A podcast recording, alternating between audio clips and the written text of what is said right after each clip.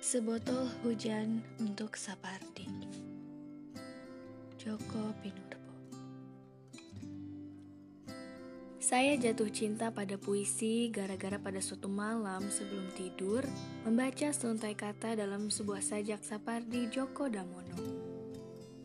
Masih terdengar sampai di sini, dukamu abadi. Waktu itu saya masih duduk di kelas 2 SMA dan belum punya cita-cita. Kata-kata itu terus menggema dalam kepala saya dan membuat saya semakin suka bersendiri bersama puisi. Sempat terbetik keinginan untuk ikut-ikutan menjadi penyair. Tapi, menurut sahabat dekat saya, kepala saya kurang abnormal untuk mendukung keinginan saya. Lebih baik jadi teman penyair saja, ujarnya, dan saya mengiyakannya. Saya gemar mengoleksi buku puisi. Bila ada buku puisi yang hilang, saya akan mencarinya lagi di toko buku sampai ketemu. Pernah seorang teman meminjam buku puisi yang baru saya beli dan belum sempat saya buka. Diam-diam buku puisi itu ia berikan kepada pacarnya sebagai hadiah ulang tahun. Kepada banyak orang, teman saya itu sering mengungkapkan rasa bangganya karena berkat hadiah buku puisi darinya lah pacarnya tumbuh jadi seorang pengusaha kata yang sukses dan kaya. Saya sendiri sekian tahun setelah malam yang diguncang puisi itu sudah menjadi seorang karyawan yang mapan di sebuah perusahaan di Jakarta. Dan saya tetap belum mengerti apa sebenarnya cita-cita saya. Kecintaan saya terhadap puisi masih terpelihara dengan baik. Di tengah kesibukan saya yang tiada habisnya, saya masih bisa mencuri waktu untuk menghadiri berbagai acara pembacaan puisi minta tanda tangan, dan berfoto bersama penyair-penyair kesayangan saya. Kadang saya membantu penyair-penyair dari daerah mencari tempat untuk sekedar numpang tidur dan mandi. Ada satu impian lama yang ingin segera saya wujudkan. Berfoto bersama Sapardi dan minta tanda tangannya. Sebenarnya saya pernah punya kesempatan bagus untuk berkenalan dengannya. Dalam sebuah acara pesta puisi Sapardi lewat persis di depan saya. Ia mengenakan kaos oblong putih bertuliskan, kita adalah cinta yang berjihad melawan trauma. Keren sekali. Sayang, dalam sekejap ia sudah diserbu oleh para penggemarnya dan saya tidak kebagian waktu. Selain itu, saya masih ragu untuk mendekat dan berhadapan dengannya. Saya takut ditanya, Anda siapa ya? Dan saya bukan siapa-siapa. Malam itu, sepulang dari lembur di kantor, saya sempatkan berbicara dengan diri saya sendiri. Dalam naungan hangat kopi, saya membaca tulisan Seno Gumira Ajidan. Alangkah mengerikannya menjadi tua dengan kenangan masa muda yang hanya berisi kemacetan jalan, ketakutan datang terlambat ke kantor, tugas-tugas rutin yang tidak menggugah semangat, dan kehidupan seperti mesin yang hanya akan berakhir dengan pensiun tidak seberapa. Masuk, kepala saya langsung menggigil. Saya memerlukan miras, minuman waras, atau obat penenang untuk menghadapi bayangan kengerian menjadi tua di Jakarta. Saat itu juga saya mengontak teman saya Subagus yang kenal baik dengan Sapati. Saya minta tolong Subagus untuk mencarikan kesempatan bertemu dengan Sapati dan Subagus. Pada hari yang telah disepakati oleh Subagus dan Sapardi, hujan mengantar saya ke rumah penyair kudus itu. Saya lihat Sapardi sedang duduk hikmat di beranda mendengarkan suara hujan. Ia khusyuk sekali memperhatikan hujan menerpa daun bougainville dan daun bougainville bergerak-gerak memukul-mukul jendela. Ia tidak menyadari kedatangan saya, dan saya tidak ingin mengusik kesendirian dan kesunyiannya.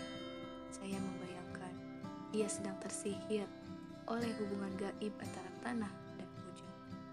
Tanpa sempat mengucapkan sepatah kata pun, saya balik badan dan pulang. Dalam perjalanan pulang, saya menemukan sebuah amplop berisi sepotong senja tergeletak di dekat tiang listrik. Pastilah itu sepotong senja yang dikirim Sen untuk seseorang yang sangat merindukannya. Burung yang diminta untuk mengantarkannya ke tujuan agaknya kemalaman, kemudian menjatuhkannya begitu saja di tengah kemacetan jalan. Saya ambil amplop itu, saya selipkan di saku baju. Sesampai saya di rumah, saku baju saya belepotan oleh cairan berwarna kuning kemerah-merahan. Senja yang luntur, senja orang-orang Jakarta. Itu bukan senjaku, kata Seno yang saat itu ternyata sedang tidak berada di dunia nyata. Saya ceritakan kepada Subagus perihal kedatangan saya ke rumah Sapardi seraya minta tolong lagi dicarikan kesempatan kedua untuk berjumpa dengannya. Dan Subagus menyanggupi. Tidak lupa saya berpesan. Cari tahu jam yang paling tepat untuk bertemu beliau ya, Su. Memperhatikan gaya bicara Subagus yang terkesan kurang serius, diam-diam saya mencium ada sesuatu yang tidak beres. Namun saya tidak mau berprasangka. Gelap baru saja datang ketika saya tiba di tempat kediaman Sapardi. Rumahnya kelihatan sepi dan gelap. Saya ketuk-ketuk pintunya dengan sopan. Setelah diketuk-ketuk tiga kali, pintu terbuka. Dari balik pintu muncullah Tuan Sapardi. Tanpa bak bibu, ia melepaskan kata-kata. Tuan Tuhan, bukan? Tunggu sebentar, saya sedang keluar. Pintu segera ditutup. Saya terperangah dan terpana. Lalu balik badan dan pulang. Dua kali gagal tidak membuat saya menyerah dan kehilangan akal. Tanpa sepengetahuan Subagus, saya mempersiapkan kesempatan ketiga. Untuk usaha ketiga ini, saya akan datang menjumpai Sapardi tanpa janji dan pemberitahuan terlebih dulu. Saya akan memilih sebuah hari yang istimewa. Saya akan menjumpainya dengan cara yang jitu. Akan membuatnya tidak bisa menghindari saya. Saya siapkan semua buku kumpulan puisi Sapardi yang saya punya untuk saya mintakan tanda tangan penyairnya. Saya siapkan pula sebuah bingkisan sederhana sebagai tanda terima kasih saya karena sajak-sajaknya telah berhasil menjebloskan saya ke dunia kata-kata yang mengacak-acak ruang dan waktu. Saya merasa sudah siap mental untuk menemuinya lagi. Saya tidak tahu apakah dia juga siap mental. Dan saat itu pun tiba. Saya datang ke rumahnya malam hari. Saya ketuk-ketuk pintu rumahnya dengan lembut. Setelah saya ketuk-ketuk tiga kali, pintu terbuka. Dari balik pintu muncullah Tuan Sapardi. Saya langsung menembaknya. Tuan Tuhan bukan? Tunggu di luar, saya sedang berdoa sebentar. Ia tertawa tergelak-gelak dengan nada suara yang tak terlukiskan indahnya. Ia mempersilahkan saya masuk, lalu membimbing saya menuju halaman belakang, di mana terdapat sebuah kolam kecil yang jernih airnya. Kami duduk di tepi kolam. Kami bercermin pada kolam. Melalui air kolam, saya dapat melihat dengan jelas sosok penyair hujan itu. Di dalam tubuhnya yang tampak ringkih, terdapat daya yang lebih.